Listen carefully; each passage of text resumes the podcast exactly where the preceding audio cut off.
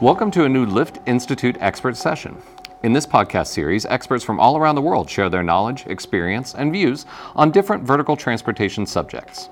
Today we're talking with Bob Kolkman. He's the manager of the Lift Academy at the Lift Institute, and he'll be discussing one of the most common subjects that uh, an average person thinks about, which is people trapped in elevators. That's our subject today. Welcome, Bob. Thank you, Kevin. Now, Bob, I, I watch a lot of movies, uh, and uh, so I'm well familiar, thanks to Hollywood, with the concept of people trapped in an elevator. But how common is that issue uh, in reality? Uh, is there worldwide data available for this?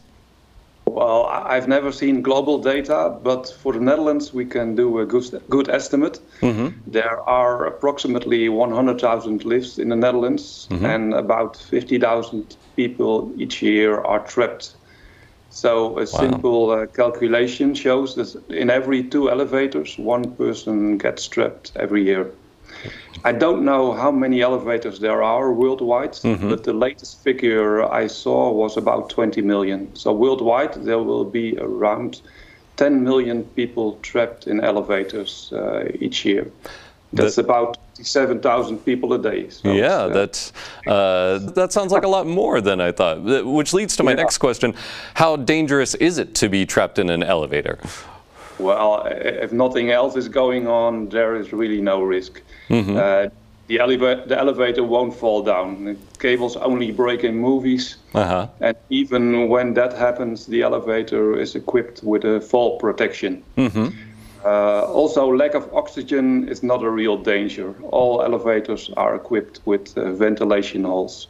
Oh. The uh, only real danger comes when people start opening doors. I if see. they uh, then climb, climb out of the cabin, and the cabin is quite a bit higher than the floor of the building, Sure. they can fall back into the elevator shaft, Uh-huh. and that can be life-threatening. I can imagine, yeah. So it's, uh, would you call it a, a more of a psychological uh, problem to be trapped in an elevator? That that sounds a little uh, uh, harsh to the people who are actually trapped. It might actually be very afraid, uh, but but it sounds like the physical state of being in an elevator is probably just a psychological concern. Yes. Yes, that's true. Uh, during courses, I often ask uh, participants whether they have been uh, stuck in an elevator, and almost everyone who has ever uh, experienced this remembers exactly where and when it happened. Yeah. So it's quite an impressive event. Uh, uh, that causes people to do unwise things, Yeah. especially if an entrapment uh, lasts a long time Yeah, for sure. people uh, may panic and want to flee. And it's very understandable uh, that they open doors. They saw the movie where James Bond opened a hatch and climbed through the shaft to a landing door. Yeah. But in the real world, it's much better to wait in safety. I, I honestly, anytime I'm in an elevator, will always glance up just to see if there's a convenient access panel, even if I have no intention of using it. So, uh, yeah, movies and TV Well, shows. Elevators don't have them uh, anymore. Yeah, yeah. Well, movies and TV have uh, done a great job of programming our minds uh, in that way. Uh, tell me, what are some of the main reasons that elevators uh, do get stuck, and what, what can we, we do about that systemically?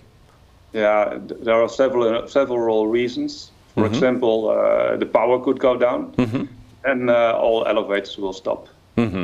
But, uh, poor maintenance can also be a reason.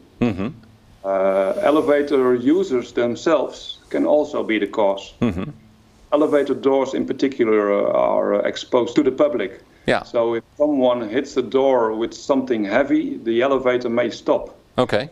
Elevator doors are secured with contacts that check whether they are closed and locked. Yeah. And if the can- contact is broken, the lift will stop immediately and Okay. people may be trapped. Interesting. And further, uh, uh, jumping in an elevator is never a good idea. Certainly not if you do it with uh, a group of people. I, uh, I have never thought of participating in that, let alone recommending it. So, no worries for me, at, at least.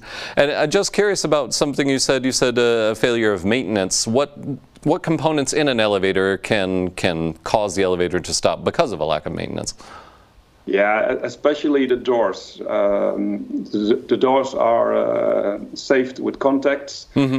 And if one uh, contact uh, is broken, uh, the elevator will stop. Sure.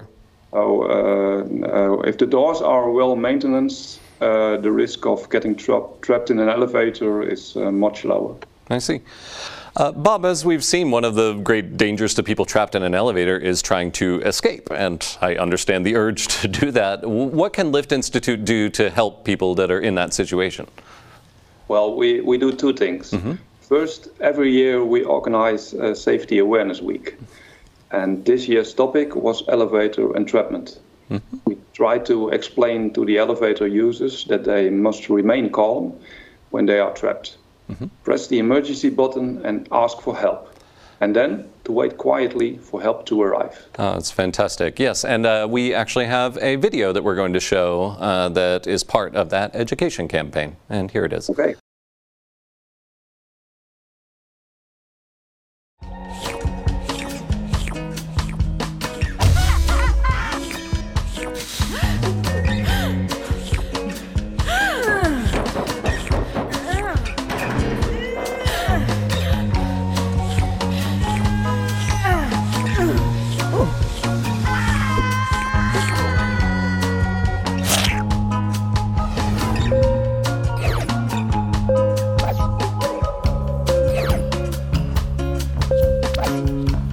That is fantastic. Thank you, Bob, for being a part of getting that created. Uh, very well done. And uh, and what else does Lift Institute do to uh, educate people? The second uh, thing we do, uh, we provide elevator courses mm-hmm. with which we train people who work on the premises to safely free trapped passengers. Okay.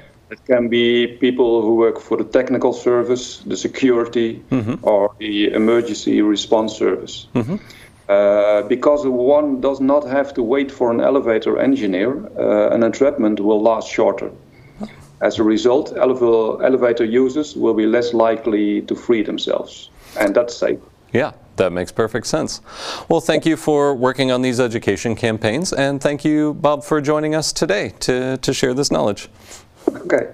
Thank you, Kevin, uh, for showing my uh, expert opinion. Yes, wonderful. And thank you for listening to this Lift Institute expert session. You can find more editions of our expert sessions in your favorite podcast app. Talk to you soon.